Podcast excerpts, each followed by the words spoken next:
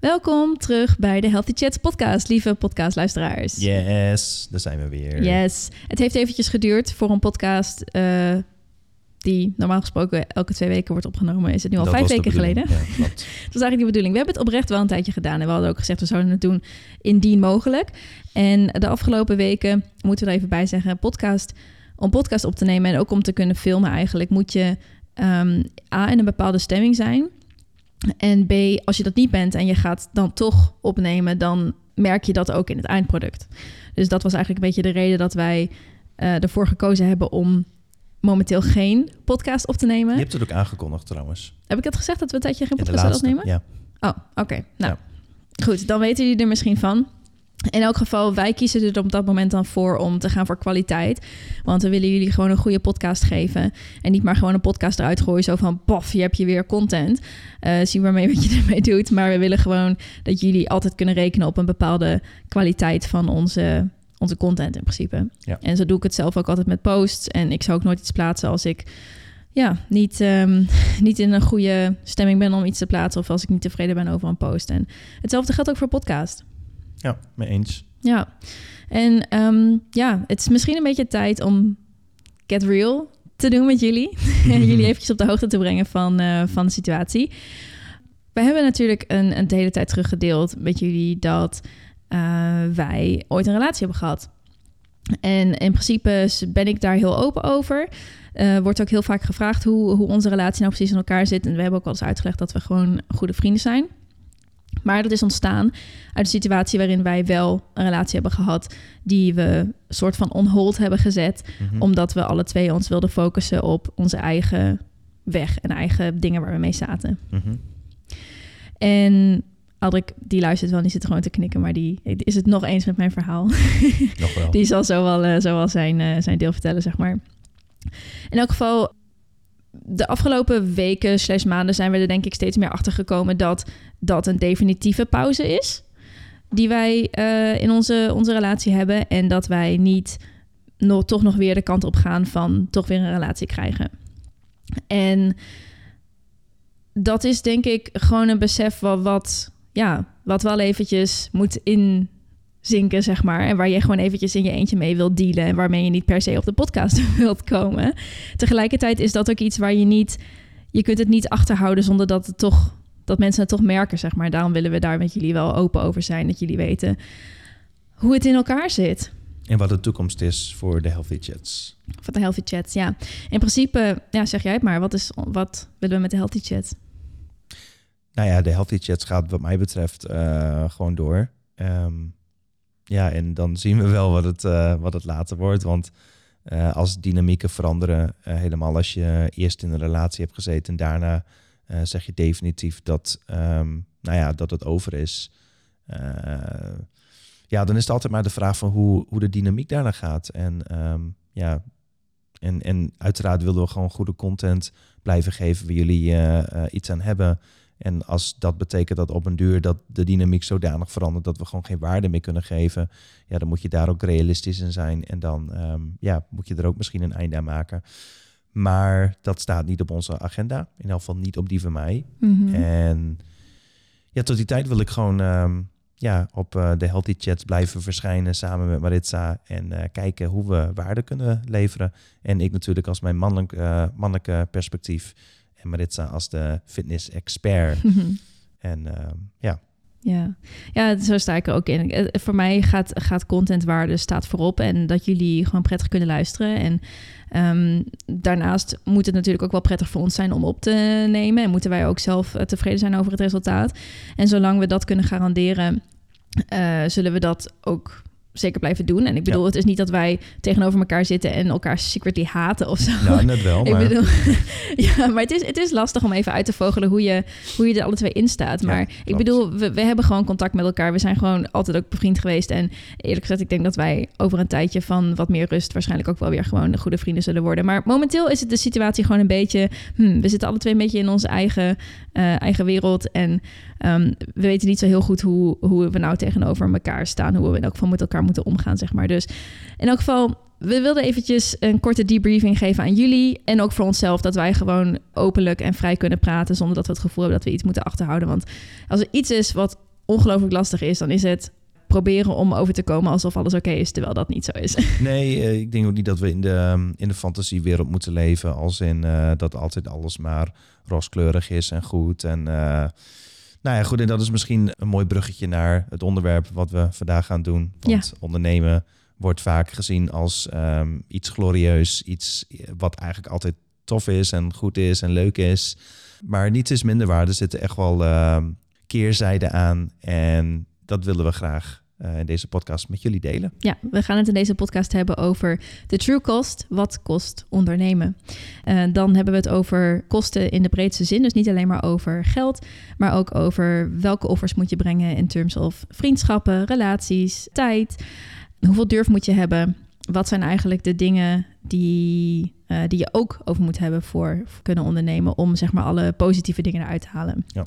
Wij zijn natuurlijk alle twee altijd heel uitgesproken positief over uh, ondernemen. We houden heel erg van zelfstandig zijn. En dat is ook uh, zeker een, uh, een manier van leven waar je heel veel positieve dingen uit kunt halen. Maar het komt wel met bepaalde kosten. Dus als jij iemand bent die erover twijfelt of die misschien ook zou willen ondernemen en zich afvraagt of het iets voor diegene is, dan denk ik dat het wel een interessante podcast voor jou is. Moet ik ook nog even teruglinken naar een eerdere podcast die we over ondernemen hebben gemaakt, waarin we ons richten op jonge startende ondernemers en hoe zij bij zichzelf kunnen blijven en zichzelf niet, niet kwijtraken als zij hun merk uh, aan het opzetten zijn, zeg maar. Ja. Yes? Ja, klopt. Goed we gaan nog eventjes uh, starten met een iets luchtigere uh, monthly update... die wel gericht is op het thema fitness... en nou ja, waar wij in principe mee bezig zijn, fitness, mindset... ook een beetje milieu. En Albrik, ik weet dat jij vandaag toevallig op Facebook bezig was met milieu... dus misschien wil jij starten met je, met je update. Ja, nou ja, goed, heel kort. Um, de overheid had natuurlijk besloten om, om van 130 km per uur naar 100 km per uur te gaan voor het stikstofbeleid. Wat natuurlijk supergoed is, want ik ben daar helemaal voor.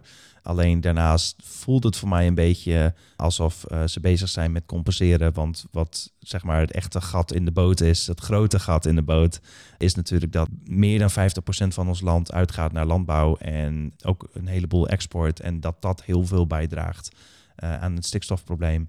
En dat staat tot nu toe nog een beetje op hun hold, alsof ze nog niet helemaal weten wat ze daarmee moeten. Ja, tegelijkertijd wilden ze ook zeg maar meer natuur verwijderen. En daar was je tegen, hè? Ja. Ja, ik ook. Ik ook Jij ook? Ja. Jij niet, ja. hè? Uh, obviously. Ja, maar goed, en dat, um, dat, dat snapte ik niet helemaal. Dus uh, ja, nou, we moeten erbij zeggen, ik had, we bespreken podcast altijd voor en ik had eh, gezegd dat ik het gevoel heb dat er, uh, dat er een bepaalde metafoor gaande is, die ik uh, aan Adrie uit had gelegd, met wat de overheid nu aan het doen is met het stikstofprobleem. stel je voor dat je een boot hebt en die ligt in het water en er zitten meerdere gaten in die boot. En die zijn niet allemaal even groot. Je hebt kleine gaten en je hebt hele grote gaten.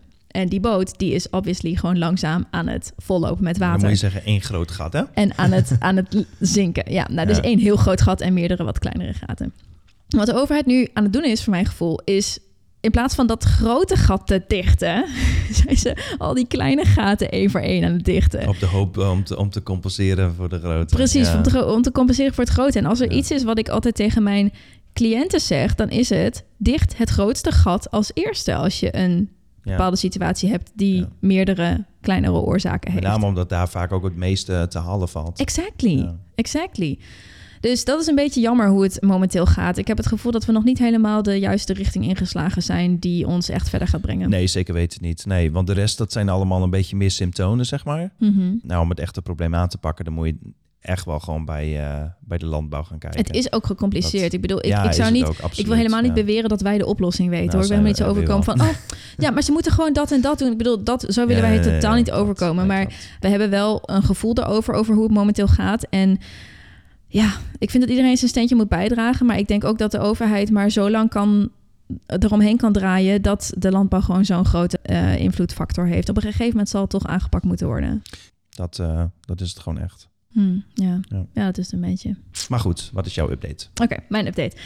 Ja, naast dat ik, ik, ik heb deze afgelopen maand door, veel doorgebracht met überhaupt nadenken over uh, hoe ik momenteel in elkaar zit. en, um, dat is toch al heel lang zo? ja, nou ja, kijk, ik heb, ik heb rust nodig om goed na te kunnen denken. Dat is, ik kan niet heel goed reflecteren als ik steeds invloeden heb van buitenaf, zeg maar. En, dus niet lullig bedoeld, maar ik denk oprecht dat heel veel mensen dat nodig hebben.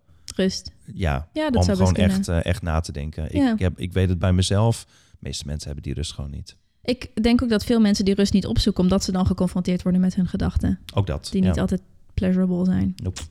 Maar goed, ik heb veel introspectie gedaan in elk geval de afgelopen tijd. En dat betekent niet dat ik alleen maar over relatiedingen nadenk. Ik denk ook over mijn werk na. En dat past mooi bij de topic van vandaag. Ik ben erachter gekomen dat ik iets heb wat je zou kunnen uitleggen als succesangst. Mm. Jullie kennen vast allemaal grootheidswaanzin. Heet dat, hè?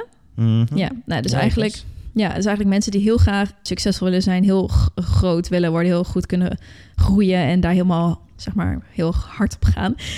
en ik heb gemerkt dat ik een beetje het tegenovergestelde ben. Ik vind het heel moeilijk soms om ehm, in mijn hoofd mee te komen met het succes wat ik heb met mijn onderneming en met mijn social media.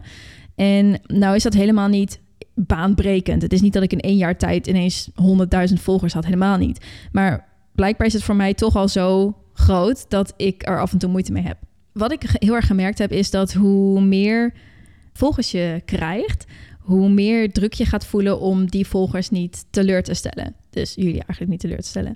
En hoe kritischer je wordt op jezelf, hoe meer je in de valkuil trapt van perfectie denken. En dat is juist iets wat je moet kunnen wegleggen om überhaupt te kunnen presteren. Want anders zit je vast in dat stukje van "Ugh, ik kan niet verder, ik kan niet achteruit, ik kan niet vooruit. En af en toe, ik, ik heb het de afgelopen jaar al gemerkt dat ik af en toe eventjes een moment had waarop ik eventjes op de plaats moest blijven staan en even moest denken van "Oeh, oké, chill, het gaat goed, je gaat gewoon door zoals nu, it's all good. En ja, ik heb dat de afgelopen weken dus ook weer eventjes een eh, beetje gehad. Ja, ik wist niet dat het bestond, maar het bestaat en ik heb het. Ja, succesangst. Ja, dat is zeker heel echt. Herken je dat? Jazeker. Ja. Nou ja, wa- wa- wat het voor mij vooral is, waar ik bang voor ben, is dat ik als ik zeg maar beter word in mijn werk en dat daar, nou ja, alle successen bij komt, wat daar als uitkomst voor is, dat mensen tegen me op gaan kijken, zeg maar in die branche. En dan ik er zoiets heb van, ja, maar ik, ik ben nog steeds dezelfde persoon. Eh, en ik ben dan bang, zeg maar, dat ik mezelf ga verliezen als in dat ik of arrogant ga worden of dat ik meer, eh, minder humble en zo word. Mhm. Dat is oprecht wel, want ik wil gewoon met mijn beide voeten op de grond blijven staan in die zin. Mhm. Ik wil geen grootheidswaanzin krijgen en ik wil gewoon vooral mezelf kunnen blijven. En nou ja, daar, daar, ja, dat klinkt heel stom en misschien dat dat gewoon echt een rationalisatie is om gewoon niet, eh, of een excuus moet ik zeggen, om echt gewoon succesvol te worden. Ja, maar dat Maar zou dus ook het- kunnen. Ja, dat, kan, ook. Ja. Ja, maar Ja. Ik, ergens heb ik die behoefte ook helemaal niet, omdat ik mijn rustige leven gewoon ook fijn vind. En als ik ergens beter in wil worden, dan doe ik dat. En dan doe ik dat gewoon compleet op mijn eigen tempo. Maar dat is wel grappig, want wij zijn daarin wel anders. Want ik heb wel zoiets van, oh, I want to be famous. Maar, Ja, nee, maar ik wel op een manier, niet- zeg maar. Ik, ja, ik, jij wilt dat helemaal totaal niet hebben. En ik wil, ik wil dat wel hebben, omdat ik weet hoeveel mensen ik dan zou kunnen bereiken, zeg maar. En hoeveel, hoeveel goeds ik zou kunnen doen, zeg maar. Maar tegelijkertijd heb ik Ja. wel als streven om wel de meest humble persoon ever te blijven. En Ja, en- ik, denk, ik denk dat het grootste verschil is als ik zeg maar ja. eh, succesvol wil worden, dan wil ik dat zeg maar dat mijn films succesvol gaan worden. Mhm. En daar sta ja, ik natuurlijk ik achter. Ja, dat heb ik Want ook. ik schuil achter de film. Ja. Dus ik als persoon hoef niet bekend te worden. Mhm. Maar ik zou het mooi vinden als mijn boodschap van eh, de films, dat dat, heb ik ook. die zeg maar Ja. Eh, Dat succes. heb ik ook. En ik moet, ik moet zeggen dat ik dat af en toe wel lastig vind. Want doordat ik een personal brand ben, word ik automatisch ook bekender naarmate mijn merk bekender en mijn boodschap bekender wordt, zeg Ja, maar. ja. En ik, veel mensen die weten dit niet, want ik bedoel, jullie kennen mij grotendeels denk ik ook via Instagram, dus de social media. Maar als je mij niet echt ontmoet, ik ben best wel verlegen. en ik, heb, ik vind het echt moeilijk als mensen naar mij toe komen en, en zeggen van... oh, je, wat doe je het allemaal leuk en, eh en eh, superleuk Instagram. En eh, ik, ik word zo in het middelpunt gedrukt... waar ik normaal gesproken nooit vanuit mezelf zou komen. zeg maar dat ik dat... Op internet lijkt het allemaal alsof ik dat helemaal makkelijk doe. Maar dan heb ik, kan ik het op mijn eigen tijd doen en in mijn eigen moment... en heb ik het allemaal onder controle. Maar Ja. in real life... I would be a very bad artist, denk ik. in elk geval wel in terms of eh, naar buiten kunnen treden en, en Ja, ja, ja, zo zichtbaar zijn. maar goed. ja. Oké, daar komen we straks nog wel eventjes op. Yes. We gaan starten met ons thema van vandaag. Wat kost ondernemen? En Alec, ik wil eigenlijk aftrappen met jou te vragen... wat voor werk je eigenlijk doet, in welke branche je werkt... en dan ook even te vertellen wat, jou, wat jij denkt wat het grootste offer is... wat mensen die zelfstandig zijn in jouw branche moeten brengen om dit werk te kunnen doen. Nou, ik ben filmmaker. Ik maak trouwfilms. Ik denk 70% daarvan. En de overige 30% dat zijn promofilms en dat zijn commercials. Over het algemeen, die promofilms en commercials doe ik dus in de winter. Maar omdat dat het kleinste gedeelte is, moet ik dus rondkomen in de winter van de 70% van de trouwbusiness omdat het een seizoensgebonden branche is. Dus in die zin is dat mijn offer. En moet ik gewoon heel goed incalculeren in hoeveel geld ik moet verdienen, zeg maar, in de zomer. Om in de winter weer tot de volgende zomer, zeg maar, door te gaan. En natuurlijk, eh, de commerciële opdrachten, dat gaat wel door. Maar dat is, ik weet niet of het een offer is, maar dat is in elk geval iets om bewust van te zijn. Als je bepaalde werk hebt wat in een bepaalde seizoen is. Ik, ik hoor hieruit dat je als offer hebt, dat is het eerste waar ik aan denk, dat je een bepaalde onzekerheid accepteert. Dat je dus niet altijd weet. Je, je hebt gewoon inderdaad sowieso een onzekerheid. En dan zit er nog een laag onzekerheid op dat ik het geld moet verdienen, inderdaad, in, in, een kortere periode, tijd. In een ja. kortere periode. In Ja. iets van vijf, zes maanden voor Ja, ja. bijna het hele jaar. Dat is, eh, Oh my gosh, ja. ja. ja. Ik denk niet dat je, dat je dit, zeg maar... Ik weet dat we in het begin eh, van, eh, van onze relatie, zeg maar, daar veel over hebben Mm, gehad. ja, dat ik het niet snapte in het begin. Ja, Ja. eh, zeg maar, voor Inmiddels mij, wel. voor mij de winter ingaan is, is soms best wel een stressmoment voor Mm. mij. Omdat ik gewoon, Weet dat er dan niks meer binnenkomt. ja, nou ja, er komt nog wel wat binnen, maar het is altijd gewoon, ja, het is veel Fractie meer van- onzeker. Want de trouwfilms, dat staat gewoon vast. Een paar maanden van tevoren. Soms vijf, zes maanden van tevoren. Maar al die commerciële dingen, dat komt vaak allemaal op het laatste moment, zeg maar. Ja, ik, ik kan nu een eh, opdracht eh, krijgen en dan ja, ben ik daar een maand Voor mee verder. week, maar ja. ja, precies, ja. Ja. Dus dat is heel onzeker. Ja. Ja, en, En- daar moet je mee om kunnen leren gaan. Ja. Ja. Het tweede wat ik hoor, en eh, misschien dat je daar zelf niet aan denkt, omdat jij niet gewend bent om op vakantie te gaan, maar voor de meeste mensen is de zomer natuurlijk een vakantiemaand of een tij- tijd, zeg maar. Ja. En jij kunt niet zo makkelijk op vakantie gaan, want jij zou zo'n opdracht van een paar duizend euro kunnen laten liggen. Ja, klopt. Ja, ja. ja, ik zit er voornamelijk wel mee, eh, want ik heb altijd een, eh, een jaarlijkse tripje zeg maar, naar Zweden, wat in principe wel werk is, dus ik krijg er wel voor betaald. Maar ja, dat is altijd wel zo'n moment van ja, eh, ik kan dan wellicht ook een trouwfilm zeg maar nog krijgen. Dus dan, Mhm. ja, dat, dat, is, dat is altijd best wel lastig. En als ik wegga, dan probeer ik dat echt aan het einde van het seizoen te doen. In elk geval eind september, begin, eh, begin november, Ja. oktober. Ja, Ja, oktober, best november. slim, ja. Oké. Ja. Hm. Oké, Yes. ik heb er twee, want ik werk natuurlijk eigenlijk ook een semi een beetje in twee, ik wil niet zeggen branches, maar leg ik zo uit. Anyways, ik werk als fitnesstrainer en als voedingscoach. En beide doe ik zelfstandig. Mijn bedrijf Plentiful Plan, waar jullie mij waarschijnlijk voor een groot deel op volgen via Instagram. Ja, het is gewoon helemaal van mij natuurlijk. En daarnaast werk ik als fitnesstrainer, waarbij sportscholen jou inhuren om hun training door jou te laten geven, zeg maar. Mhm. Dus dat zijn de twee dingen die ik doe. En ik heb natuurlijk een, een grote, vanuit mijn eigen bedrijf, een grote social media componenten erbij zitten. Daar stop ik heel veel in. Eh, dat is mede mijn marketing, maar ook een stukje wat ik altijd heb gezegd, wat ik gewoon gratis aan mensen wil kunnen geven. Omdat ik vind dat bepaalde content gewoon vrij beschikbaar moet zijn. Hè, gezondheid moet voor iedereen toegankelijk zijn. En daarom wil ik een groot deel van mijn content wel gewoon gratis beschikbaar stellen. En voor mensen die meer nodig hebben, die Mhm. kunnen dat dan hè, via coaching krijgen bijvoorbeeld. Maar daarom eh, leg ik best wel grote nadruk ook altijd op mijn socials. En daar komen twee, twee offers uit die je moet brengen. Offer nummer één heeft te maken met, met sport. Namelijk dat je altijd werkt op tijden dat andere mensen vrij zijn. Dus de avond vooral, hè? Ja, Dan. want mensen sporten op tijd dat zij vrij zijn en dat is in de avond. Ja. Dat is in het weekend en dat is op feestdagen. Ja. Sport never ends. En aan de ene kant vind ik dat niet erg, want sport is mijn leven in die zin. En ik ken het al jaren niet anders. Al lang voordat ik in de sport werkte, leefde ik zelf op die manier. Dus dat is prima. Aan de andere kant ben je heel beperkt wat afspraken met andere mensen aangaat, wat vakanties aangaat, wat feestdagen aangaat. Ik, ik geef bijvoorbeeld al vier jaar altijd training op Oudejaarsdag en op Nieuwjaarsdag. Ja. Nou vind ik oud en nieuw zelf niet zo heel belangrijk, dus dat is niet zo heel erg. Maar dan heb je even een voorbeeld van dat dat dus gewoon doorgaat. Ja. Ja. Niet de, niet de hele avond, maar in elk geval... Je bent dan ook van niet een vrij. deel daarvan. Nee, Ja, exact, ik zou ja. niet, ik, en ik zou niet brak training En- kunnen en geven. kerst dus- ja, kerst gaat ook gewoon door. Ja. Ja, het gaat altijd door, 365 dagen per jaar. Ja. Snap je niet dat mensen toch blijven sporten op kerst? Eh, ik ben ook zo iemand die Ja, I know, I know. dat zou doen. Ja, ik, het, ligt, het ligt eraan hoe het valt. Ik weet niet op welke, welke dag het valt, maar Ja, ik, Volgens eh, mij dit jaar op eh, dinsdag, woensdag of zo. Maandag, dinsdag, woensdag. oh ja. Maar ik, ik moet zeggen, ik, Oh, ik denk wel dat ik dan ook door. ik, Als dat ik, zo zie, is, ik zie nu eh, al die bordjes in de sportschool staan van... dit zijn onze openingstijden in december. En dan ben ik zo aan het kijken, zo van eerste kerstdag gesloten, tweede kerstdag gesloten. Fuck, Ja, wat ga ik dan doen? ja. Maar ik vind het gewoon zo lekker, weet je. Je moet eventjes daaruit. Je hebt eventjes wat... Je bent de hele dag ben je onder mensen... en ben je bezig met eten en kletsen... en dat is allemaal super gezellig. Maar ik moet even mijn hersenen luchten. ja. En Ik snap dat wel. bloed door mijn lichaam pompen, zeg maar. Ja. Dus ja, en anders wordt het hardlopen of zo. ja, dat doe ik dus ook vaak. Ja, Ja. wij doen altijd ook wel lange wandeling met familie. Dus mijn familie is ook wel redelijk... ehm, ja, bewegingsgeoriënteerd, zeg maar. Je wilde sportief zeggen, hè? Ik wilde sportief zeggen en toen dacht ik, nou, dat zijn ze niet. Dat dekt het niet. Dat dekt het niet helemaal. Ze zijn wel gericht op zijn wel van beweging en Ja, ja, fietsen en ja, wandelen, maar het zijn niet echt sporters, zeg maar. Mijn moeder zegt dan op de vraag, of als ik haar vraag van, en mam, heb je al een sport gevonden die je leuk vindt? Nou, ik ben begonnen met weer tuinieren. Dan denk ik, ah ja. dat is zeg maar wat ik zou doen als ik... Ik wilde zeggen wat ik zou doen op een rest day, maar dat is niet eens wat ik zou doen op een rest day. Dat zou doen als ik ziek zou zijn of Ja. zo. Maar ik, ik moet wel zeggen, ik had eh, eh, vanochtend daar nog een leuk gesprek over. Ik heb dus een klant zitten in, eh, in Zweden.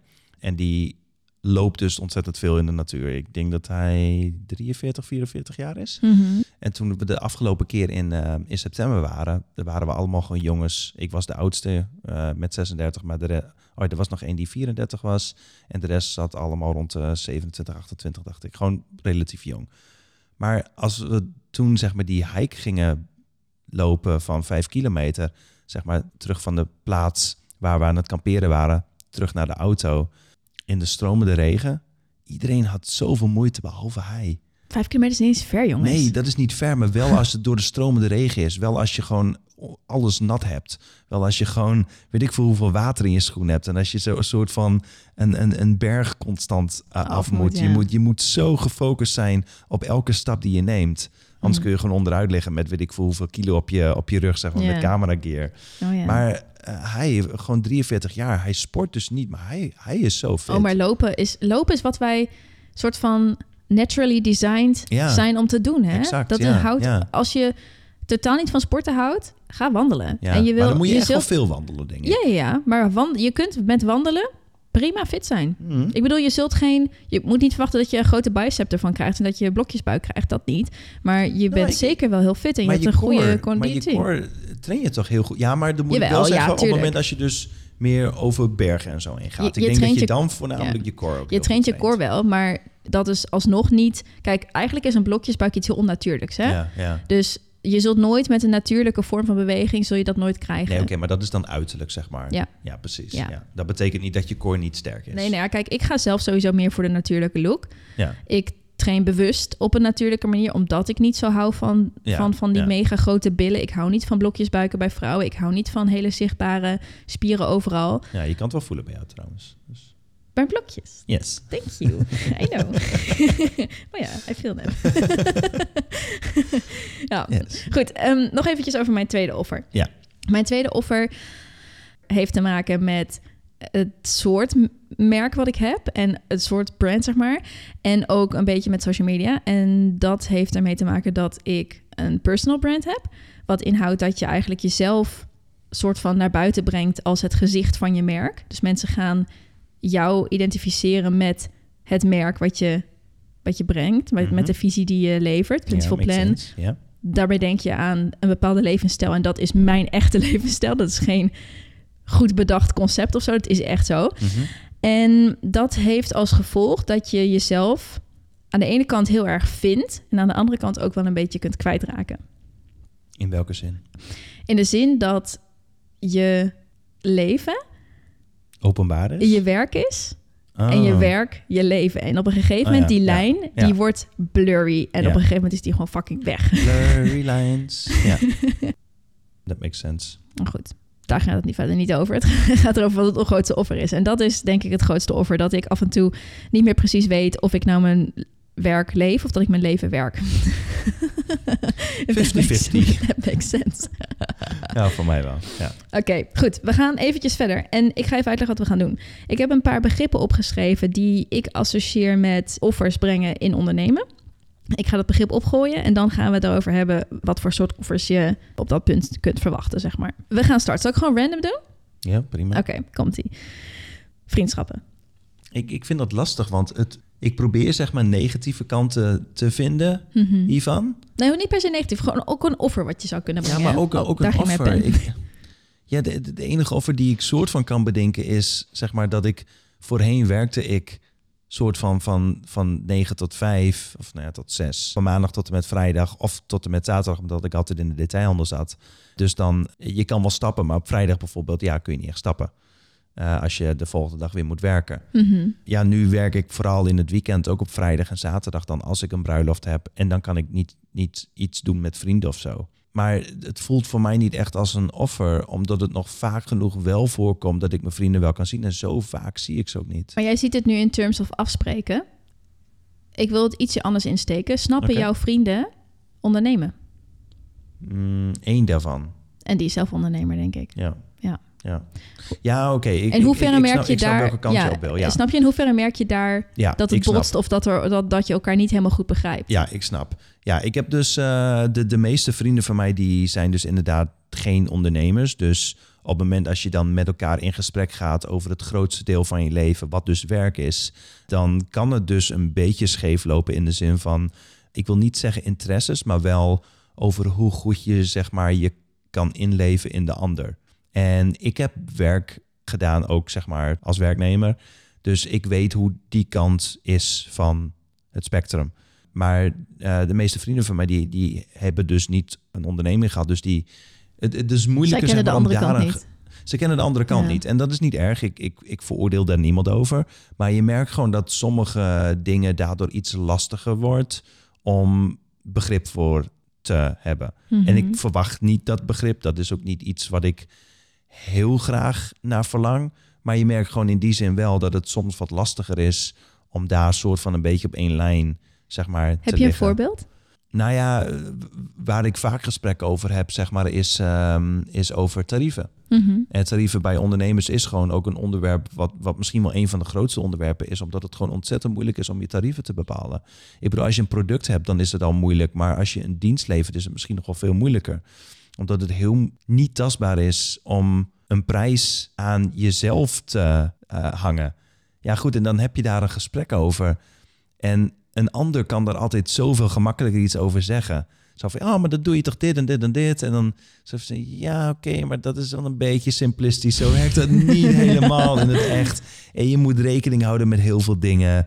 En ja, dat is eigenlijk het enige wat ik, wat ik echt kan bedenken. En natuurlijk ook qua strategie en, en, en hoeveel werk je. En nou ja, ik, werk, ik probeer zelf gewoon niet superveel te werken, omdat ik mijn vrije tijd gewoon heel erg waardeer. En niet, niet eens zozeer mijn vrije tijd, maar meer het, de tijd hebben om te reflecteren op wat ik doe. Mhm. En ik merk gewoon, wanneer ik echt heel druk ben geweest, heb ik daar niet de ruimte meer voor in mijn hoofd. En dat is voor mij wel heel veel waard. Ja. Want dat betekent voor mij progressie. Ik denk dat ik ook een voorbeeld heb in welk opzicht het lastig is soms met vriendschappen. En dat ze je niet begrijpen. Ik had toevallig vorige week een hele eh, succesvolle uitkomst. Wat zo succesvol is, dat kun je in, in terms of zelfstandig ondernemen eigenlijk wel zien als een soort van promotie. Maar het, je hebt geen promotie als je een Nee, eenmansbedrijf klopt. hebt. Nee, ik bedoel, dat, Nee. zo werkt dat niet. En het, was, het ging om een bepaalde samenwerking, zeg maar. En ik kan het eigenlijk ook wel zeggen. In elk geval, ik, ik heb het, we hebben het vorige podcast over gehad. We hebben het over Opioga verteld. Opioga heeft mij gevraagd of ik, eh, of ik hun eh, ambassadeur wil worden. En nou, ja, dat is huge natuurlijk, want ik, I love eh, yoga en ik hou ook ontzettend van open yoga. Dus voor mij was dat echt, ah, weet je, super tof. En dan wil je dat met mensen delen. Alleen met wie dan? Want ik, ik weet dat uit, uit eerdere situaties, als ik zoiets in de app gooi van: hey jongens, eh, vet leuk, dit en dit, komt er of geen reactie of haha, cool. Terwijl als iemand anders in de app deelt van... ik heb promotie gekregen, ik heb nu een auto... dan iedereen, wow, vet! En wat voor één, en eh, cool joh, en wat houdt het allemaal in dan en zo. Ja, En-. I don't judge anybody, want ik snap dat ze het niet snappen... maar dat voelt enorm Alleen. dat voelt heel erg onbegrepen. Ja, Ja. En omdat om, je wilt gewoon je, vreugde delen met de mensen die je lief hebt.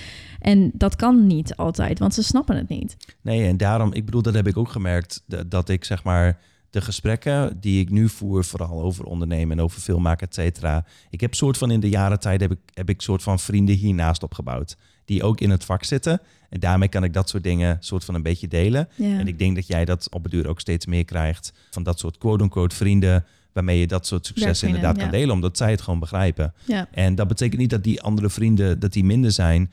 Het is gewoon, ja, je doet andere dingen met ze. En dat heb ik ook met mijn eigen vrienden. Ik bedoel, ik heb het nou, ik heb het altijd al gewoon bijna nooit over werk gehad met hun. Hmm. Waarom zou ik dat nu in één keer wel doen? Omdat ik iets doe wat ik leuk vind. Ja, dat is voor mij geen, geen reden, zeg maar. Het, en ja, Nou ja, het, het is. Ik heb die mensen wel. Dus zeg maar wel, wel gewoon contacten in, de, in mijn branche, zeg maar. En ik denk ook dat het een heel belangrijk punt is als jij ehm, wilt beginnen met zelfstandig ondernemen. Dat je ook contacten zoekt Ja, in mensen zeker. die hetzelfde Ja. doen als jij. Gewoon omdat zij gaan jou begrijpen. En dat gaat heel erg fijn voelen. Ja. Ik had nooit gedacht dat ik dat zo waardevol zou vinden, zeg maar. Maar daar ben ik heel blij om. En ik hou alsnog van mijn vrienden. Het is helemaal niet zo dat ik, dat ik er boos om ben of zo. Maar op dat moment besef ik me wel heel eventjes dat zij gewoon niet het vermogen hebben om dat te begrijpen hoe waardevol dat is voor iemand die zelfstandig onderneemt, zeg maar. that makes sense. Ja, en tegelijkertijd, ik bedoel, er zijn ook mensen die minder goede vrienden zijn en misschien meer in de richting van kennissen gaan, die dat soort spreuken eruit gooien als hoe gaat het met je bedrijfje? Kun je er wel een beetje van leven? Ja, klopt. Ja, En ik bedoel, dat soort, zorgt ja. ook niet echt voor een hele hechte band, dat soort vragen. Nee, klopt. Dus ja, ik, ik snap het. Mensen weten ook gewoon niet hoe ze ernaar moeten vragen. En Het is gewoon letterlijk een andere wereld. En dat, dat ik bedoel, het, het is ook gewoon lastig. Ik bedoel, als iemand zeg maar voor zichzelf begint. Als, althans, als ik in, in de andere schoenen zou staan. Dat een vriend van mij zeg maar met een eigen business zou gaan beginnen. Terwijl ik bijvoorbeeld nog bij KPN werk. Dat, misschien dat het zelfs een beetje intimiderend zou voelen. ja, Op het moment als iemand zeg maar. Dat is heel erg uit je comfortzone stappen Mhm. vaak voor heel veel mensen. weet je dat er iets bestaat als comfortzone plaatsvervangende schaamte? Ja, dat, dat, Dat, snap dat, ik. als, ja. dat als mensen iemand anders uit hun comfortzone zien stappen, zeg maar, die ook hun eigen comfortzone is, ja, dat zij dat voelen wat de ander zou moeten voelen. ja, zeker. en daarom vinden mensen het vaak zo eh, lastig en vinden ze, hè, geven ze heel veel tegengas als ze zien dat iemand anders buiten hun comfortzone stapt, terwijl zij dat niet doen. Maar dat is denk ik ook een van de redenen waarom mensen zeggen zo van... oh, maar hoe doe je dat met geld dan? Is dat allemaal wel niet heel onzeker? Mhm. En ik weet gewoon dat dat, dat, dat vaak onzekerheid is Hun wat eigen- bij hun eigen eh, ligt. Maar eh, again, ik, ik snap het. Ja, daar hoeven we niet verder over te oordelen. Maar dat, ja, Ja, ik moet Ja. zeggen wat jij net zei. Ik denk dat je ook wel mag verwachten dat er een bepaalde mate van jaloezie zal opkomen bij mensen om je heen.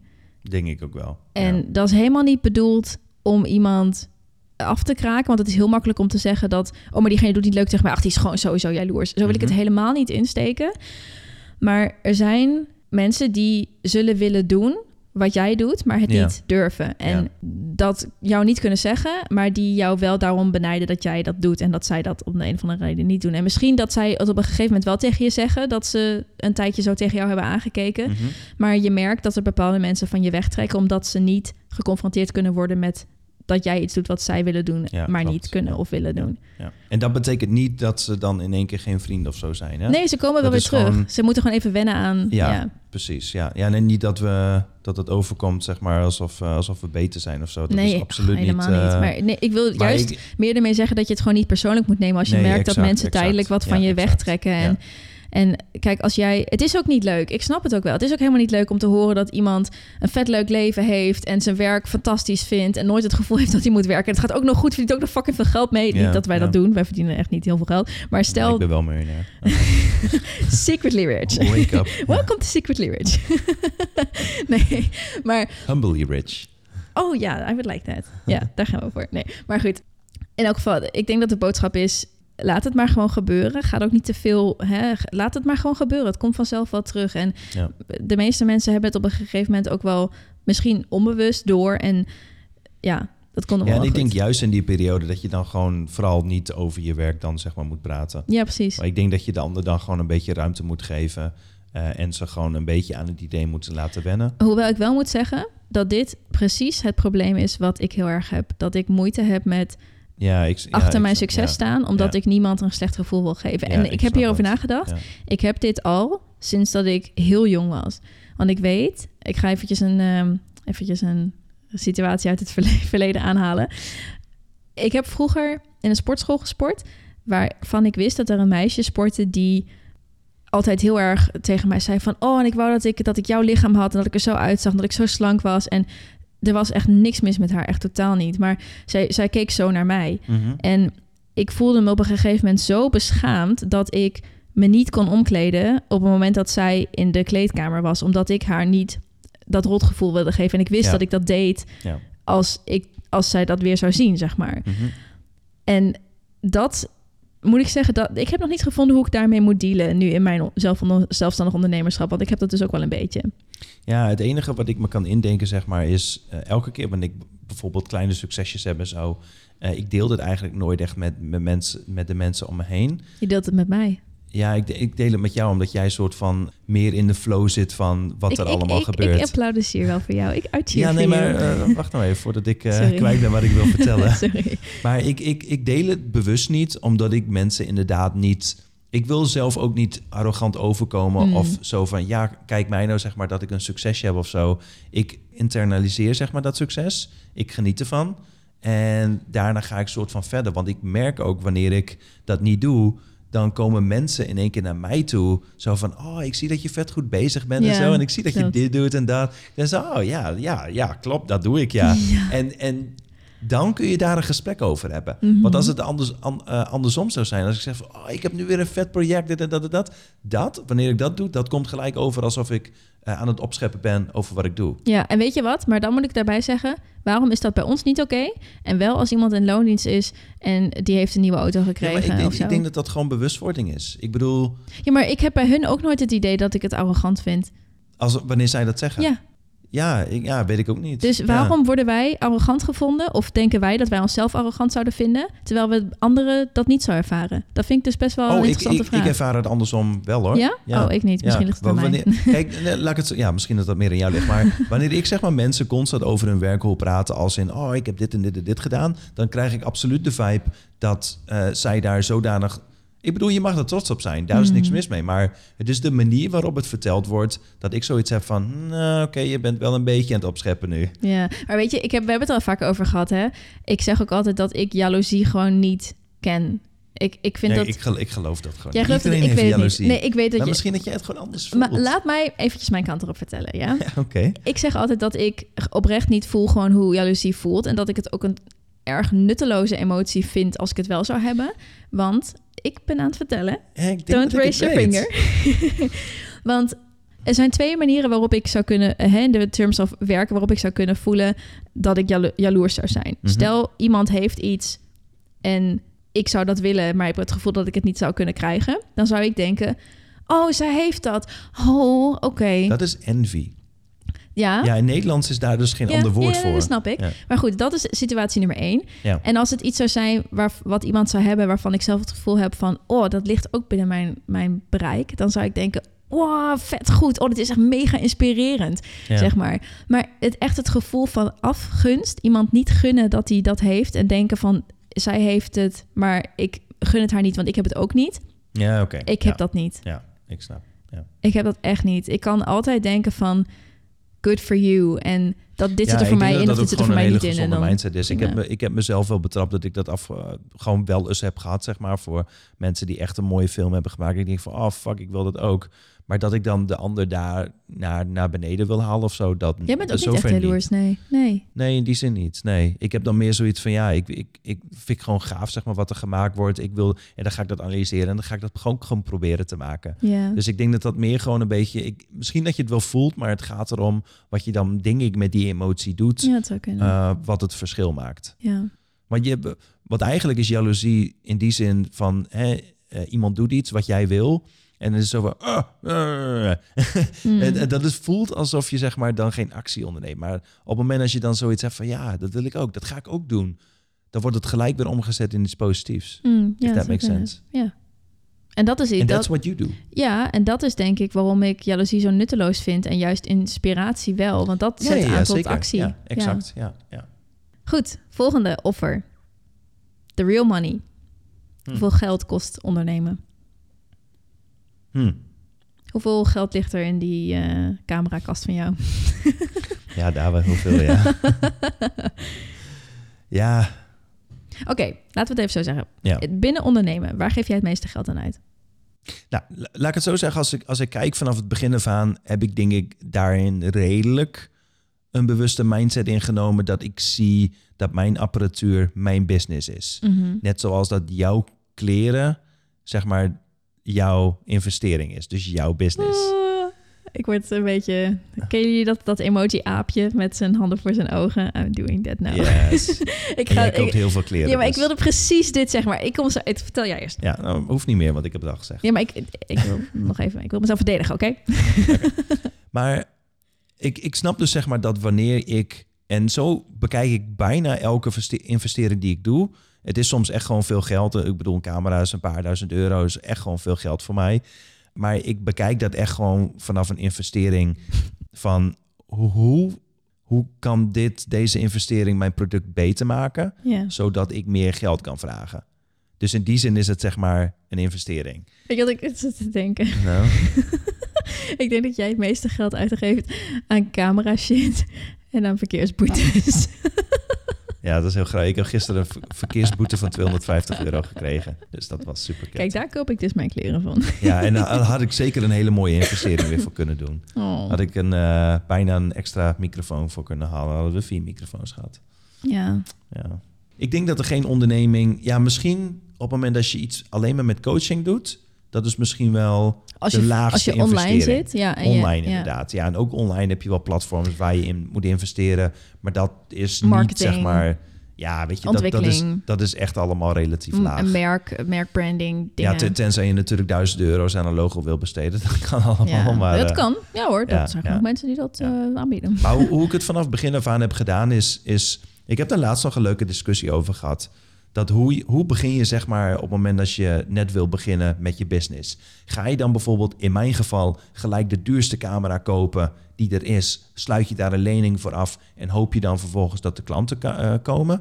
Dat zou nooit mijn nee, manier zijn. Start met wat je hebt. Ja, start met wat je hebt en probeer daar het meeste uit te halen. Zo heb ik dat eigenlijk ook gedaan met mijn camera. Ik, ik had wel een dure camera, maar ik heb eerst geprobeerd om die camera helemaal uit te melken in wat dat ding kan. Ja. En vervolgens toen ik aan het dak zat, toen dacht ik van oké, ik moet nu naar iets anders kijken. Vervolgens heb ik dat ook weer compleet uitgemolken. En nu zit ik nog steeds bij die camera en haal ik daar gewoon hele goede kwaliteit uit, omdat ik het gewoon ken. Ja. En dat doe ik eigenlijk met al mijn apparatuur wat ik, wat ik koop, is dat ik heel blij ben in die zin met wat ik heb omdat ik weet hoe ik het maximale eruit kan halen. Ja. En zo heb ik dat eigenlijk vanaf begin af aan al ben gedaan. Ben je een beetje aan het rechtvaardigen waarom je dure shit koopt? nee, zeker niet. Nee, nee, nee, nee, nee, want het kan nog veel duurder. Ja, I know. Nee, dat ben ik niet aan het rechtvaardigen in die zin. Nee, ik ben in mijn ogen juist aan het rechtvaardigen dat je niet veel dingen nodig hebt om goed, goede kwaliteit te leveren. En ik weet dat heel veel mensen in mijn branche, die zijn ongelooflijk apparatuurgeil. En die oh, willen gewoon heel veel shit kopen, zeg maar, om ja, in, mijn ogen is dat een hele inefficiënte manier om te beginnen. Als ik even mag inhaken, ik heb het gevoel dat dat eigenlijk in elke branche wel gebeurt. Want als ik zie dat er, er zijn zoveel beginnende sporters die in het perfecte, helemaal van Nike van top tot teen outfit komen, inclusief een sportwatch, uh, weet ik veel wat ze allemaal hebben. En dan denk ik, fuck, weet jij waar ik begonnen ben met trainen in een fucking sportschool? Waar de, weet je, ik weet niet per se of het te maken heeft met hoe je over wilt komen, maar ik denk dat het in de sport in elk geval, nou, ik denk dat het in de sport vooral mee te maken heeft dat mensen denken dat ze dat nodig hebben om succesvol te zijn. nee, het is hetzelfde. Denk je? Ja, uiteindelijk komt het allemaal. Ik bedoel, wat is de reden waarom zeg maar een ondernemer een, een dure BMW aanschaft? Oké, nee, maar ik wil eventjes er tegenin gaan, want ik heb bijvoorbeeld een vriendin ja. en zij komt nooit Zupatte, dit is Duits, maar dat betekent ze kan, komt nooit op gang, zeg maar, met in, in die end gewoon shit doen. Mhm. Zeg maar, ze praat altijd over, oh, ik wil dit, ik wil dat, ik wil dat, qua sporten en fitness. en ze doet het gewoon nooit. Tegelijkertijd vraagt ze voortdurend aan mij, zal ik, um, zal ik die elastieken kopen om mee te sporten? Ik heb het idee dat dat wel, uh, dat wel goed zou zijn. Ja, ik zit erover te denken om een nieuwe Swordwatch uh, te kopen. Want uh, ik denk dat die, dat die toch wel goed is. En denk ik, ga gewoon hardlopen. Daar komt het op aan, oké? Het komt niet op aan dat je al een nieuwe shit maar, hebt. Maar, maar, dit is precies mijn punt. Want op het moment als een filmmaker zou zeggen... ik sta nu op het punt, zeg maar, dat ik niet beter ben. Ik wil beter worden, dus laat ik die camera van 7000 euro kopen. Wat die eigenlijk zegt, is dat ze dus het succes externaliseren. Ja. en zeg van ja, maar ik heb dingen nodig om beter te worden. Ja. Nee, je moet zelf beter worden. Ja. En dat is het excuus, zeg maar, dat mensen dat soort dingen blijven doen. Als ik zou moeten, dan zou ik alles wat ik nu heb weg kunnen doen en alleen in mijn huis dezelfde fitness kunnen hebben die ik nu heb. Ja, en dat is precies hoe mijn route inderdaad ook is gegaan. Want dan weet je waar het echt om draait. Ja. En dat is ontzettend moeilijk voor mensen om in het begin in te schatten. Men denkt altijd, in mijn geval, dat het om dure apparatuur gaat, zeg maar. Om een Mhm. goede film te maken heb je dikke lampen nodig, et cetera. Nee, het enige wat je moet kunnen, en daar heb je geen, eh, geen investering voor nodig, is je moet goed een verhaal kunnen vertellen. Je moet goed script kunnen schrijven. En je kan het zelfs met een super cheap ass camera kun je het filmen. Mhm. Dat Oh, is, eh, dan, maar dan weet je waar Ja. het om gaat. Er zijn zoveel accounts, ook überhaupt op social media, die echt heel groot zijn geworden met wegwerpcamera's. Ja, ja, zeker. Dat Ja. kan gewoon. Maar weet je, die mensen die snappen waar het om gaat. Ja. En dat zie je in zoveel industrieën. Dat, ze, dat ondernemers gewoon, weet ik veel, bullshit kantoren gewoon huren, zeg maar, die veel te groot zijn voor hun. Maar dat is allemaal uiterlijk vertoond. Dat is allemaal zoiets van, ja, ik en wil zeg maar kan je heel veel succesvol geld lijken. sparen. Ja. Ja, en, en precies. En dan kom je dus weer terug op het punt van, van waar we het over begonnen. Is dus het, het, het geldonderdeel. Is dat ik heel efficiënt met mijn geld wil omgaan. Omdat Mhm. ik hopelijk goed genoeg begrijp wat ik echt nodig heb om mijn dienst te leveren. En dat is relatief weinig. Ik heb, ik heb absoluut veel gekocht. Maar al dat soort dingen hebben allemaal stuk voor stuk goed bijgedragen aan de kwaliteit die ik nu lever. Als ik kijk waar ik het meeste geld aan uitgeef, dan, Kleren, nou, aan dingen voor foto's. Ook Ah. eh, bepaalde borden, servies, Oh zo, Eh, ja, ja, eten. Ja, de opmaak van een foto, ook wel de apparatuur waarmee ik de foto maak, de verzekeringen voor de apparatuur waarmee ik de foto maak. Het is eigenlijk, mijn geld gaat een beetje naar verschillende plekken, zeg maar. Ja. Ook naar kleren, ook naar sportkleding. Maar het heeft allemaal te maken met het Perceptie, beeld wat ik, wat ik overbreng, met het vermarkten van, van wat ik doe Ja. in principe. Ja. En dat is ook logisch, want dat Ja, is mijn product. sense. Ja, klopt. Ja. Natuurlijk. Kijk, natuurlijk is in die zin coaching mijn product en fitness is mijn product, maar dat verkoop ik doordat ik een bepaalde levensstijl laat zien. Dus daar gaat mijn meeste geld naar uit, zeg maar. Klopt. Ja. Ja. En wat dat betreft vind ik dat ik het nog heel goedkoop doe, hoor, want ik fotografeer helemaal niet eens met een Nee, high-end camera. Nee, nee. Maar zo zie je hoe je, zeg maar, in elk geval met je telefoon al. Je eh, kunt met je telefoon een hele goede foto's maken. Ja, zeker Ja, hoor. Ja, Het gaat sowieso meer om de fotobewerking. ja, En ik wilde dat eerder nooit geloven, maar ik heb nu de, eindelijk de bewerkingsprogramma's ontdekt. ja. En ehm, het gaat om de bewerking van de foto en minder om dat je de allernieuwste camera hebt hoor. Klopt. Kijk, tuurlijk, kijk, je moet niet ontzettend veel modellen achterlopen. Dat ga je op een gegeven moment wel zien. Je moet wel een beetje meegaan Ja, natuurlijk. maar ik vind, ik vind het zo grappig als je dat zeg maar in zo'n curve ziet. Mhm. Ik weet niet hoe heet deze curve, de bell curve volgens mij. Ja. Mhm. Als je het in een bell curve zet, dan is zeg maar in het begin eh, zijn de mensen die eh, beginnen met ondernemen. In mijn geval dan een film maken. En dan het, ik moet goed worden, dus dan ga ik heel veel shit kopen. En dan zijn ze eigenlijk niet goed, maar dan worden ze goed met de shit wat ze hebben gekocht. Mhm. Dan hebben ze zoiets van, oké, maar ik ga al die shit weggooien. En dan zijn ze weer aan het einde van die bell curve beter dan, zeg maar, dat ze waren in Ik het had- begin met minder apparatuur. Ja, ik moet zeggen, ik had in het begin ook een betere camera dan nu. Maar ik, had gewoon, ik heb gewoon gemerkt dat ik die helemaal niet nodig heb. Nee, exact. exact en dat wist ja. ik toen niet. Maar het is met, met sportgadgets net zo. Inmiddels heb ik al die gadgets wel. Maar Ja. in het begin, ik ben gewoon begonnen met... Ik had één sportoutfit. En ik sportte in, een- in de sportschool bij mij in het dorp. Ja. En nee, zelfs nog, ik ben zelfs begonnen met een cd uit de fitnesstijdschrift van mijn moeder. Ja, en weet je, that's, Ja, het how het starts. Ja, het is Dat ook gewoon vaak verhalen. onzekerheid, weet je wel. Zo van ja, dat, dan, dan weet je niet hoe je moet beginnen. Nou, dan koop je maar gewoon dingen. eh, dingen die vaak nutteloos zijn. Misschien ook niet, want eh, je moet een bepaalde route no- eh, nemen om erachter te komen wat echt belangrijk is. Dus in die zin zal het nooit nutteloos zijn. Maar ik denk wel dat je heel veel geld kunt besparen om gewoon echt te kijken van wat heb je nodig om je dienst echt te kunnen leveren. Want het meeste is, is vaak wel eh, perceptie. Ik ga de volgende stellen. Yes, Volgende please. stelling. Dit is een surprise one. Offers in terms of focus. En dan misschien is offers niet het juiste woord, maar wat moet je opbrengen aan focus? Hmm. Ik heb het gevoel dat ik in dit jaar dat ik zelfstandig ondernemer ben geweest. En misschien ook wel een beetje daarvoor, want ik was er eerder natuurlijk ook wel mee bezig om het uit te denken. Dus laten we zeggen de afgelopen anderhalf, één jaar en drie kwart jaar... dat ik vijf jaar erbij heb gekregen aan zelfkennis, aan verstand van hoe dingen werken. Mhm. Gewoon heel erg veel gegroeid ben en, en heel erg... Je, je komt jezelf heel erg tegen. En niet op een negatieve manier, maar op een manier dat je denkt van... oké, dit moet ik onder de knie krijgen. Ja. En dan hebben we het over, je moet, je moet op je eigen tijd kunnen opstaan. Je moet tegen jezelf kunnen zeggen dat je aan het werk gaat terwijl je geen, geen zin hebt. Zelfdiscipline is heel sterk. Time management Ja. is heel sterk. Eh, Werken hoewel je, hoewel je je niet goed voelt, bijvoorbeeld. Ja, Ehm, kunnen opbrengen. De, altijd goede kwaliteit leveren zonder dat je te perfectionistisch wordt. Je, jezelf verder willen blijven ontwikkelen. Eh, en dat uit eigen drive doen, niet omdat het van de baas moet. Eh, Je, ook je jezelf- hebt jezelf, ja. zoveel interne motivatie nodig. Ja. En dat heb je ook wel, want je hebt je eigen merk, zeg maar. Dus dat, als je dat niet hebt, dan heb je het verkeerde merk. Dan, dan, zit je, dan ben je er niet genoeg, ja. sta je niet genoeg achter, zeg maar. Maar het kost zoveel focus. Je zult echt het gevoel hebben dat je uitgedaagd wordt om superhuman te worden, zeg maar. Ik denk zelfs trouwens dat de meeste mensen wel gewoon genoeg eh, intrinsieke motivatie hebben, maar dat het op het duur zeg maar door extrinsieke motivatie doodgemaakt is.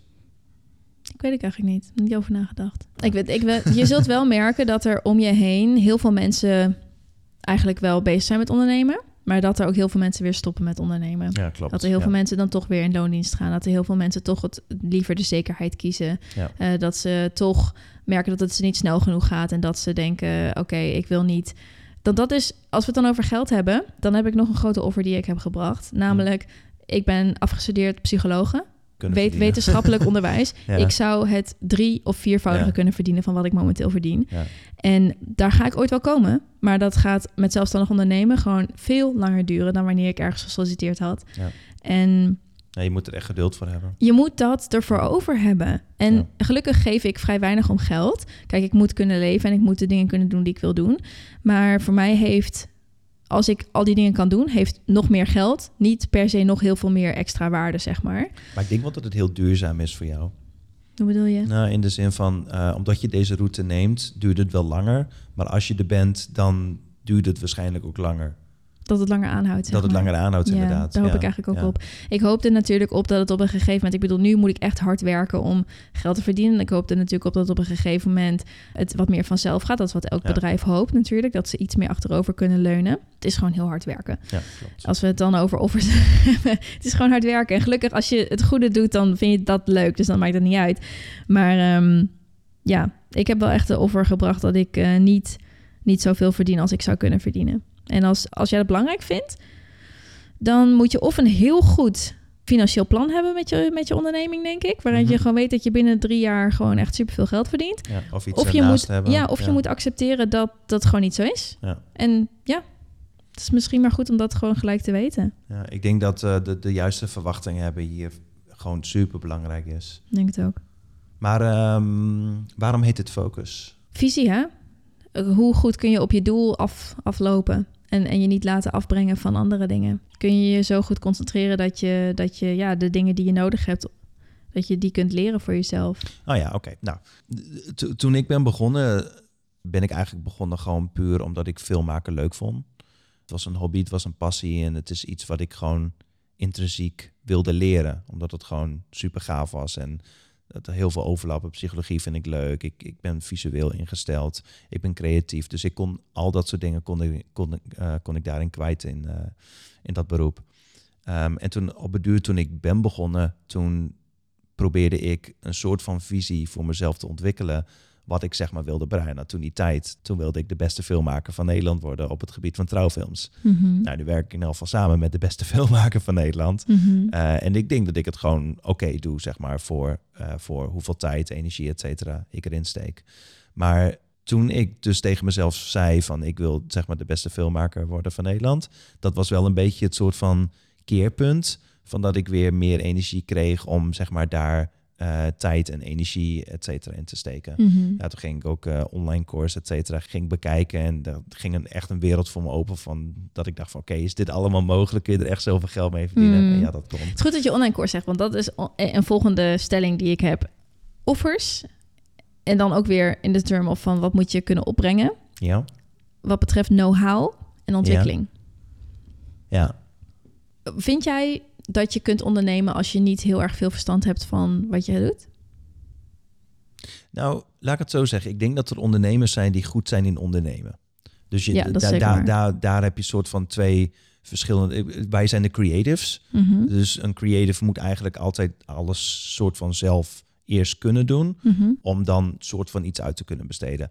Maar dan heb je ook nog de type ondernemers die gewoon kunnen ondernemen. En die kunnen gewoon shit gewoon goed uitbesteden. Die kunnen En- in principe op welk product ook zitten. Die zouden dat Nee, goed kunnen precies, verkopen. ja, Ja, precies. Ja, exact. Maar ik denk dat wij het over het eh, creatieve ondernemer hebben. Ja. Ja. Misschien Ehm, überhaupt wel handig om dit eventjes overall te debriefen. Wij kunnen niet spreken voor andere type ondernemers behalve wat wij zelf zijn. Ja, Misschien dat dit heel anders ligt. ja, dat jij precies. dit luistert, dat je denkt van... oh, maar ik herken mezelf hier helemaal niet in. Nee.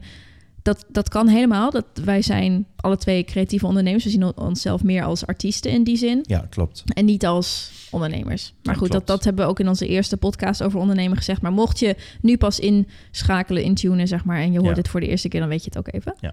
Maar goed, met die context dus denk ik inderdaad niet dat het heel makkelijk zal gaan op het moment dat je zelf niet eerst je onderzoek doet en nou ja, gewoon je kunde op orde houdt eh, of neemt van hetgeen waar je goed in moet zijn Mhm. om geld te verdienen. Want in elk geval als artiest moet je gewoon superveel kunnen doen. En dat is best wel breed. Ik bedoel, je moet jezelf op het duur steeds beter leren kennen. Dus persoonlijke ontwikkeling staat daar in mijn ogen in voorop. Je moet nieuwsgierig blijven. Je moet nieuwe informatie aan durven gaan. Je moet flexibel zijn. Weet je wat grappig is? Dus al dat soort dingen. Ik heb sociologie gestudeerd Ja. eh, voordat ik psychologie deed. Ja. En daarin moesten wij altijd op de hoogte zijn van, van de politieke veranderingen en de maatschappelijke veranderingen leuk. en het nieuws en zo. Ja, ja. Nou, dat, ik vind dat dus niet zo heel boeiend. Ik vind nieuws op zich wel boeiend, maar niet om het nieuws te lezen. Nee. Ik, heb, ik heb het er liever per, per topic over, zeg maar. Niet, ik ga niet Mhm. zitten en lees eventjes een hele nieuws weer. Nee, nee, nee, precies. Je door. hebt liever een topic en dat zoek je dan zelf. ja, precies. Ik heb liever een ja. topic wat ik uitzoek, Ja. dan dat ik gewoon ga zitten en dan van, nou, wat gebeurt er allemaal in de wereld? Ja, ja, ja, ja, Dus ik deed dat ook nooit. Ik vond het vreselijk. En dat was het type ontwikkeling wat van ons gevraagd werd in die opleiding. En dat had ik. Algemene ontwikkeling noemen ze dat, hè? Ik had het er niet voor over. Ja, ik had het er niet voor over. En nu zie ik dat ik het juiste doe aan hoe gedreven ik ben om mezelf te ontwikkelen. De hele dag Ja. door bedenk ik dingen of bespreek ik dingen met mensen dat ik denk van, oh, ik moet het even uitzoeken. En dat onthoud ik. En als ik s'avonds in bed lig, dan ga ik die dingen zo googlen en uitzoeken. Gewoon omdat ik wil weten hoe het zit. Ja. En als je dat maar lang genoeg doet, dan word je een wandelend lexicon op het, jouw gebied. Ja, En klopt. als je die drive niet hebt, eh, hè, in ons type ondernemen, dan klopt er iets niet helemaal. Misschien de manier waarop niet, dat kan natuurlijk ook. Maar Of, je, of het is nog net gewoon niet de passie of zo wat je... En dat is ook een zoektocht, dat is ook moeilijk. ja. Maar Maar ik denk wel dat je die honger naar, naar ja, meer zeker. leren, zeker. dat die er wel bij hoort. Ja. En dat denk- kost, ik- dat kost tijd. En dat is tijd die je niet betaald krijgt. Nee, klopt. Nee, en, en ja, als je zeg maar met de, met de werknemermentaliteit een bedrijf gaat starten, dan kun je net zo goed niet beginnen, zeg maar. Dat is, met die mindset ga je er niet komen, want je gaat heel veel voor jezelf gratis doen. Ik zit te denken aan uurtje factuurtje.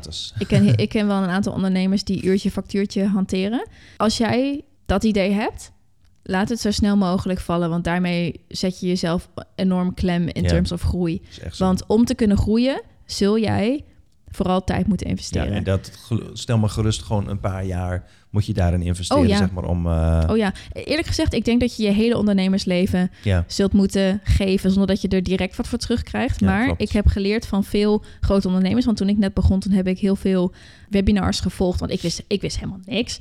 Dus zelfs de echte allerslechtste webinars, die konden mij nog iets leren. Hm. En daar werd heel vaak in gezegd, je kunt niet te veel geven. Geef, geef, geef, geef. En ook al voelt het alsof je in het begin alleen maar geeft, op den duur komt het naar je terug. Want mensen Re- reciprocity. Reciprocen. Ik probeer, het, ik, Reciprocity. ik probeer het half Nederlands te zeggen, maar ze geven het terug. Ja. Dat, is het, eh, Ja. dat is de essentie daarvan. Ja. En, maar dat betekent, als je iemand bent die direct iets terug verwacht, dan gaat dat, die, Nee, dat nee, concept niet. gaat niet Nee, werken. Je geeft het en dat kan zijn dat je pas jaren later iets terugkrijgt. En om eventjes een voorbeeld uit de praktijk te noemen. Ik heb mensen die mij bijvoorbeeld al een jaar volgen en die ehm, mij in het, helemaal in het begin een, eh, een aantal vragen gesteld hebben over voeding.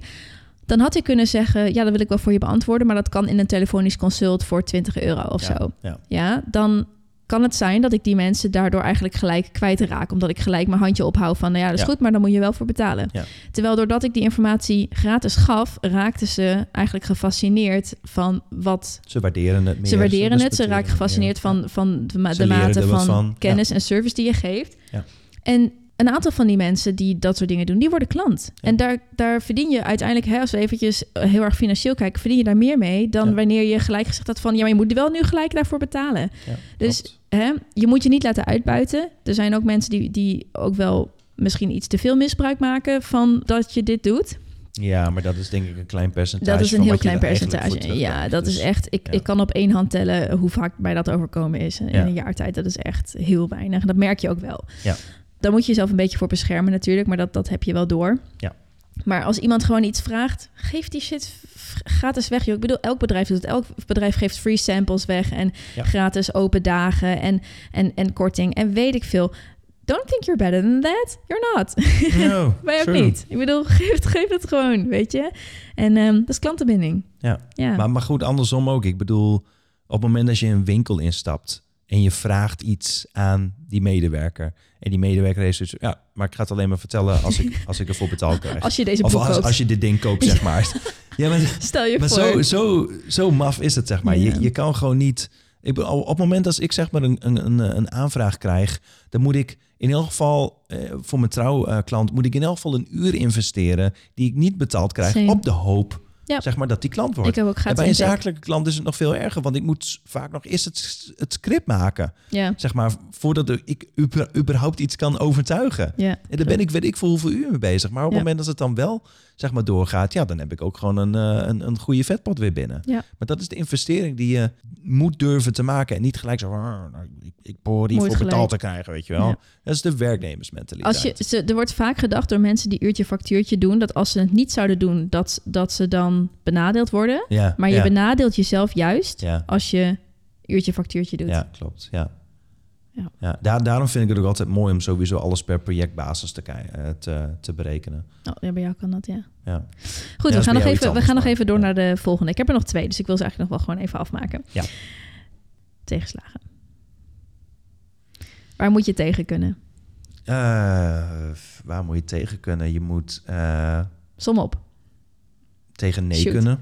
Mhm. Je, je gaat waarschijnlijk vaker nee horen dan, Dan, dan in je normale werk in die zin. Je moet er tegen kunnen dat je flexibel moet zijn. Dat je dus, ja, dat het tijd vergt, zeg maar, voordat je dingen soort van een beetje zo gaan zoals jij het wil. Geduld hebben. Ja, dat, dat, ik denk dat dat inderdaad onder, eh, onder geduld valt. Wat zijn nog meer tegenslagen? En, tegen en persistence, denk ik. Ja, doorzettingsvermogen. Dat is op het moment dat je dus niet echt een passie hebt, dan ga je dat waarschijnlijk ook gewoon niet volhouden.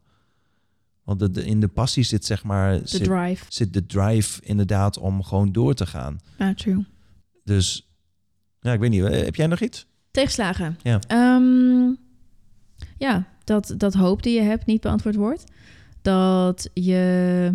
Ik denk dat je eh, kunt maken. Financiële tegenslagen zul je ja, hebben. zeker, zeker, zeker. Eh, ja. Als ik eventjes praat over social media. Social media is één grote bron aan tegenslagen... als je jezelf daar, daar niet voor zeg maar, eh, beschermt. En ik moet zeggen, ik heb dat in, helemaal in het begin... voordat ik ermee ging werken, heb ik dat wel gehad. Dat ik heel erg mijn geluk liet afhangen van volgeraantallen... van, Mm, mm. ehm, van hoe goed iets ging, van hoe goed op iets gereageerd werd. En dat ben ik, voordat ik begon, compleet los gaan zien. ja. en dat Je is- bent er veel in gegroeid trouwens. Ja, kende jij mij toen überhaupt al? Dat is echt, Nou, wel, ik- ik dat is ken- echt ik- wel drie, vier jaar Ja, geleden. oké, maar ik ken jou in de zin van eh, pre-ondernemen. Ja, En- je kent ja maar je, ik ben best wel snel begonnen met ondernemen toen ik jou kende. Ja, oké, maar ik kende je toen al wel een klein Ja. beetje. Nou goed, dus, in elk geval, voordat ik dus ging ondernemen, was ik daar veel meer mee bezig. En nu ook wel, maar nu zie, analyseer ik het. En bedenk ik Ja. van, oké, deze post loopt misschien minder goed dan andere. Ligt dat eraan waarom ik, hoe laat ik hem gepost heb? Ligt dat eraan eh, aan de inhoud van, van de post? Ligt dat Dat eraan... knap, want je moet het meer objectief gaan bekijken. Ja, je En dat is heel het- moeilijk om het eh, voor je eigen Ja.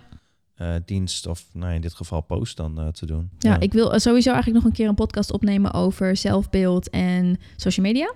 Ja. Ehm, gewoon los. Ja. Dus dat moeten we daar maar eventjes onder parkeren. Ja. Maar ja, dat zijn een beetje de tegenslagen, denk ik, die je kunt verwachten. De Ga er, ga er in elk geval vanuit dat je tegenslagen zult krijgen.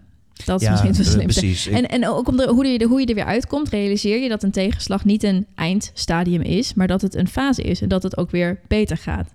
Ja, misschien dat het niet eens een tegenslag is. Misschien is het gewoon een uitdaging. Ja, zo kun je het ook Veel zien. ondernemers Ja. die, die framen dat inderdaad niet als tegenslagen of als negatieve dingen. Maar meer als in uitdagingen om, zeg maar, ja, van die dingen te leren. En om te kijken of je dat beter kan doen. Of Ik je zie, dat, ik zie dat doen. zeker als uitdaging. Als, een, als het bij mij tijdelijk op Instagram wat minder gaat...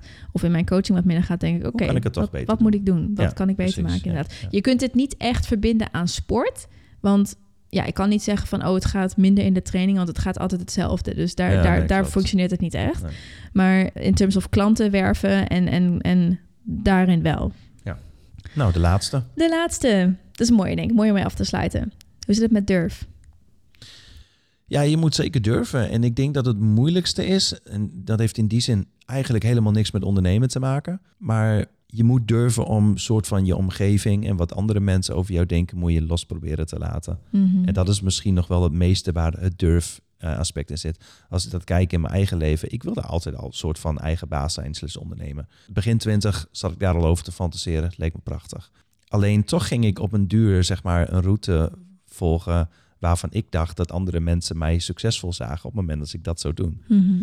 En dat is heel ironisch, want je wil zeg maar als mens een bepaald eh, respect hebben van je omgeving. Maar ik ben erachter gekomen dat wanneer je echt voor jezelf durft te kiezen, om echt te doen wat jij wilt, dan pas krijg je die respect. En dat klinkt heel paradoxaal, maar dat is vaak wel hoe het gaat. Ja? Ja. Zou het zo zijn? Ik heb het gevoel dat je, wat jij zegt eh, wel klopt. En vooral als je dus een creatieve ondernemer bent, dat je moet durven om degene te zijn die stands out from the crowd. In die zin, ja. Ja, want Ja. je gaat als ondernemer opvallen. Ja. Vooral ook omdat tegenwoordig dus social media een hele grote gebruikte vorm van marketing is. Mhm. En je als bedrijf er niet meer omheen kunt. Ja, je Dus moet jezelf inderdaad wel naar buiten je moet jezelf naar buiten brengen. Ja. En In het begin, wow, that is scary as Ja, shit. Ja. Dat is echt, man, ik bedoel, ik heb bij een vereniging gezeten. Ik was zo bang wat mensen zouden denken. Ja, dat ik, Je moet je best wel kwetsbaar opstellen. je stelt je heel kwetsbaar op, weet je. En ehm, ja, ik, ik, heb, ik vond dat echt heel eng. Ik ben eerlijk gezegd ook best begonnen er echt mee met, met steeds meer zichtbaar worden toen ik daar weg was. Want Ja, ik snap ik vond dat heel, heel gek om een ander deel van mijn leven dan eh, heel... Ik was openbaar te stellen. ik was op, in Ja. beide levens openbaar. Want als je bij een vereniging zit, dan weet ook iedereen alles van je. ja, en dan, dat, dat, dat, dat, nee, dat ja, ging in mijn de hoofd. oordeel daarover op het moment Ja. dat ze je elders zien en voornamelijk Ja, online, dat is inderdaad... En ik heb ook wel negatief oordeel wel. gekregen hoor. Heb ik ook Ja, wel. Ja, mensen. Die, die echt zoiets hadden van, ah, wat de fuck staat er nergens op. Of eh, die jaloers waren. Ja, dus mensen hebben altijd ehm, wel een mening over. Ja, of, of die gewoon negatief deden over, oh, heb je weer zo'n fit bitch. En ja, en eh, weet je. Ja, maar ik hoor, ik hoor vaak mensen die tegenslagen eh, aangeven als reden waarom ze met iets gestopt zijn. Mhm. En ik denk dat dat het verschil maakt tussen de mensen die doorgaan en 100%, uiteindelijk succesvol ja. worden. 100%. Is niet, uiteindelijk denk ik dat je met het meeste succesvol kunt worden als je maar doorgaat. Ja. Kijk, als je natuurlijk slechte investeerder bent, dan ook niet. Maar Ja, maar dat is eigenlijk een deel van eh, emotionele en sociale intelligentie. Hè? Dat je dat deel eigenlijk... dat je kunt doorgaan. Ja, nou ja, doorgaan in de zin van... Kijk, op het moment dat iets niet goed gaat, dat is één ding. Maar als je je niet kunt verzetten zeg maar, tegen de meningen van je omgeving... Dat is zeg maar het gedeelte wat vaak heel moeilijk is. Ja. En het, het lastige is, wat ik soms merkte, is een bepaalde vorm en een bepaalde mate van arrogantie en I don't, and I don't, I don't give a shit Ja, nodig ja, ja, om dat te kunnen doen. Ja, En dat is een graadwandeling die je de hele tijd zult blijven hebben. Want Ja, je wilt wel sterk genoeg zijn om te denken van... fuck jullie, ik doe wat ik denk wat goed is. En daar Eigenwijs succesvol mee zijn. Ja, Eigenwijs. Ik ja, denk dat heel veel ondernemers inderdaad eigenwijs zijn. Ik ben zo eigenwijs. Ja, ja, ja. Maar dat is omdat ik het beste weet hoe mijn brand in elkaar zit. En wat wer- werkt en wat niet. En er zullen zoveel mensen Maar op jij je bent ook pad... de enige die de visie in je hoofd hebt. Zeg maar, Er zullen zoveel eh, ja. mensen op je pad komen die Ja. denken dat ze jou tips kunnen geven of advies kunnen geven met hoe ze iets moeten doen. En Ja, ik kan daar ze jou niet kennen. ik word er dus soms, inmiddels word ik daar dus altijd best wel een beetje boos over dat ik denk van, maar iemand kan jou geen advies geven, want nee. Ze dat- moeten eerst zoveel context hebben, zeg maar, om ik, ik heb, ben heel, heel erg picky. Ik vraag wel om advies, dus niet dat ik denk dat ik alles weet, maar ik ben heel picky met de mensen die ik vraag om advies. Ja, Jij bent er een van. dank je. Ik zit even te denken wie ik nog meer vraag. Soms vriendinnen, financieel. Dus mijn vader vraag ik ook om financieel advies. Ja. uitstraling dingen ook wel eens een keertje andere Ja, mensen. het maar... staat natuurlijk ook nergens op als je zegt... En, maar dat gebeurt wel. Dat, dat, dat, En iedereen gaat jou wel ongevraagd advies geven. Ja, ja dat, dat gaat gebeuren. Maar het slaat natuurlijk nergens op dat je zeg maar... En dat, dat gebeurt nogmaals, maar dat je bijvoorbeeld een vriend of zo vraagt... van hoe je iets moet doen waar ze eigenlijk geen verstand van hebben. Ja. Het gebeurt, maar dan kun je natuurlijk ook een, gewoon een antwoord verwachten... waar je waarschijnlijk helemaal niks aan kunt. Hmm. Dus het, het is gewoon... Ik denk, als je al om advies vraagt, vraag het dan in elk geval aan de mensen waar je soort van tegenop kijkt.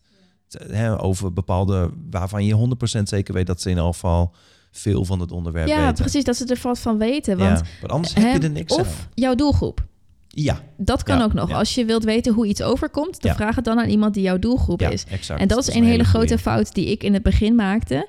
Toen ik, dit gaat nog over jaren, jaren, jaren terug, toen ik ooit een keer een blog had, Mhm. was dat ik aan mijn ouders vroeg wat ze ervan vonden. Ja, En mijn ouders zijn mijn doelgroep niet. nee, Dus klopt. tuurlijk kan ik ze wel vragen in de zin van, oh, vinden jullie het leuk wat ik doe? Oh ja, we schatten, vinden Ja, het maar als je die mening te zwaar neemt, dan denk je zo Precies. van... Hey, maar, als je die mening te zwaar neemt, Ja. dan ga je de verkeerde kant op. Ja. Want je, je vergelijkt jouw doelgroep, Ja, die klopt. mijn doelgroep zijn tussen de 25 en de 35. Ja. Of vijf, nou, ik denk iets ouder nog. En mijn ouders, die bijna 60 zijn. Ja, ja, ja. Dus oké, ik denk dat dat een, eh, een goed einde is om eh, mee af te sluiten. We hebben inmiddels ook wel lang genoeg gekletst. Het begint best wel moe te worden. Het is inmiddels bijna half elf, dus het is half elf. Maar het is tijd voor ons om, eh, om de podcast te sluiten. Het doel van deze podcast was dat jij een iets andere kant een keertje ziet van ondernemen. Ondernemen is momenteel natuurlijk best wel een trend. En ehm, er zitten ook heel veel positieve dingen aan. En Het is helemaal niet onze bedoeling om jou nu met een negatief gevoel weg te laten gaan, maar meer met een genuanceerd gevoel, zou ik zeggen. Er zijn veel, veel, veel, veel, veel meer positieve kanten. Ja, er zijn zeker veel meer positieve kanten aan. En we hebben nu natuurlijk gewoon eventjes de andere kant, Ja. kanten belicht. En ik zou het niet eens zien als, als slechte kanten, maar als uitdagingen. Uitdagingen, ja. En, en ook een stukje realisme, dat je weet waar je aan begint. Als jij bijvoorbeeld weet dat je bepaalde dingen nog niet zou kunnen opbrengen, dat je misschien nog wat meer tijd nodig hebt voordat je kunt starten, zeg maar. Mag ik daar nog één ding over zeggen?